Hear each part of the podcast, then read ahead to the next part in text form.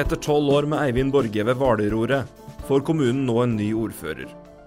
Et knallvalg for Arbeiderpartiet gjør at Mona Wauer overtar jobben etter lokalvalget mandag. Nå er det de rød-grønne som skal få styre på øykommunen. Men hva vil det bety for Hvalers innbyggere? Vil det skje store endringer nå? Dette er valgpodkast i Hør her. Mitt navn er Torgrim Bakke.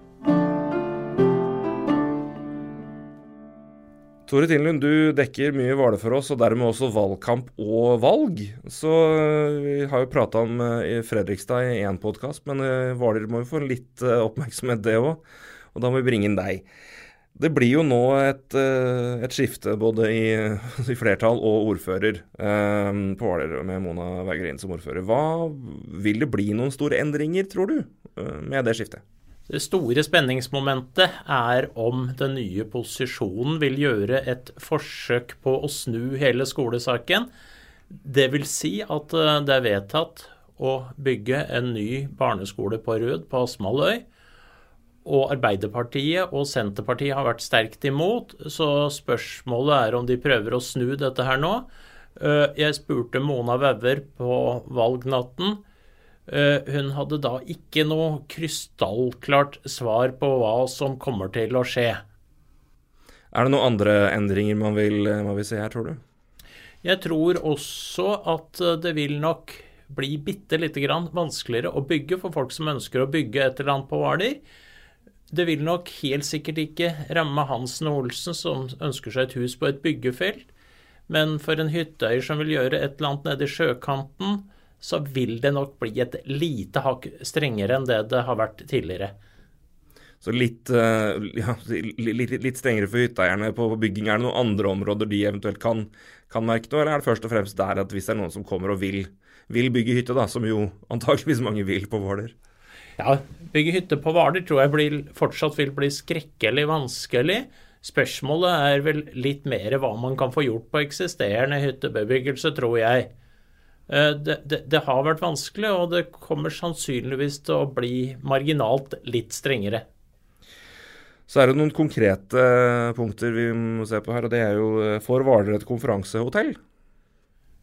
Ja, et konferansehotell det er jo ikke akkurat noe som noen politikere kan vedta. Man må ha en investor som vil bruke masse penger på å bygge et hotell, og man vil, må ha en kjede som ønsker å drive et hotell og bruke masse penger på det. Eh, foreløpig så har det, meg bekjent, ikke dukket opp noen store og tunge aktører. Så, så uansett hva politikerne måtte mene, så, så, tror jeg ikke det hotellet kommer i overskuelig fremtid. Jeg tror vel kanskje at uh, Fremskrittspartiet og Høyre vil strekke seg litt lenger for å stille til disposisjon en egnet tomt nær sjøen hvis denne investoren mot formodning dukker opp. Nå vil det kanskje bli litt vanskeligere, fordi det nye regimet vil være litt mer opptatt av å tenke natur og miljø.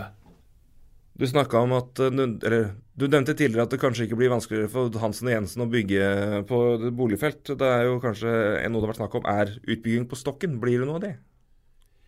Eh, jeg tror nok i hvert fall det vil sitte litt lenger inne med den nye konstellasjonen.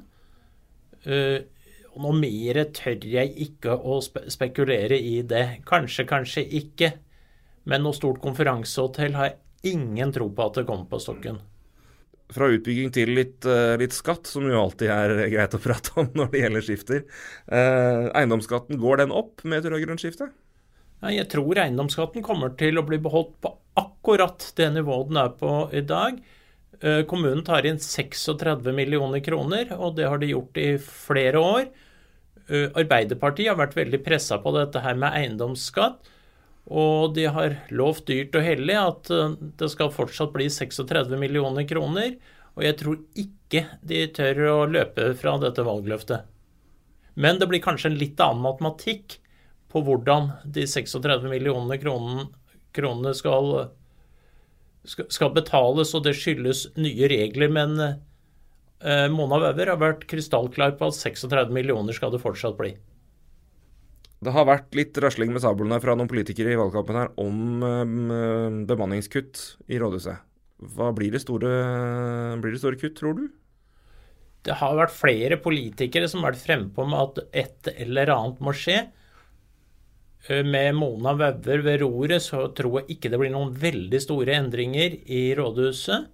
Men eh, det blir kanskje en forsiktig nedbemanning for å spare litt. Nå har vi jo snakka litt om uh, hva som kan skje uh, etter skiftet, men vi får runde av med hvorfor det skjer. Og hvorfor blir det Kommer det rød-grønne skiftet nå, tror du?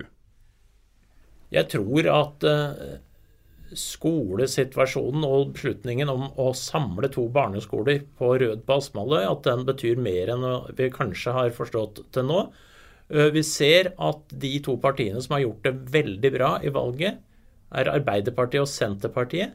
Det er nettopp de to partiene som har gått imot skolesentraliseringen. Så tror jeg også at Fremskrittspartiet og Eivind Borge har utfordra folk på Skjæralden litt vel mye. Man har dette store prosjektet med parkeringshus i fjellet og boligblokker. Det har, det har møtt veldig sterk motstand. Det samme har pukkverksetableringen som det var snakk om. Er, dette pukkverket er antagelig dødt i dag, men det var veldig betent. Og så har du skolen. Da har du tre ting som har utfordret og kanskje provosert de som bor på Skjæralden, og der bor det faktisk veldig mange eh, stemmeberettigede. Og man ser også at eh, eiendomsskatten har stått stille. Fremskrittspartiet er jo et parti som skulle ta ned eiendomsskatten, og det har de ikke klart. Og det tror jeg også at folk har merka seg. Du kan abonnere på Hør her gjennom Apple Podcasts, Spotify og andre steder du hører på podkast. Du kan også følge oss på Facebook.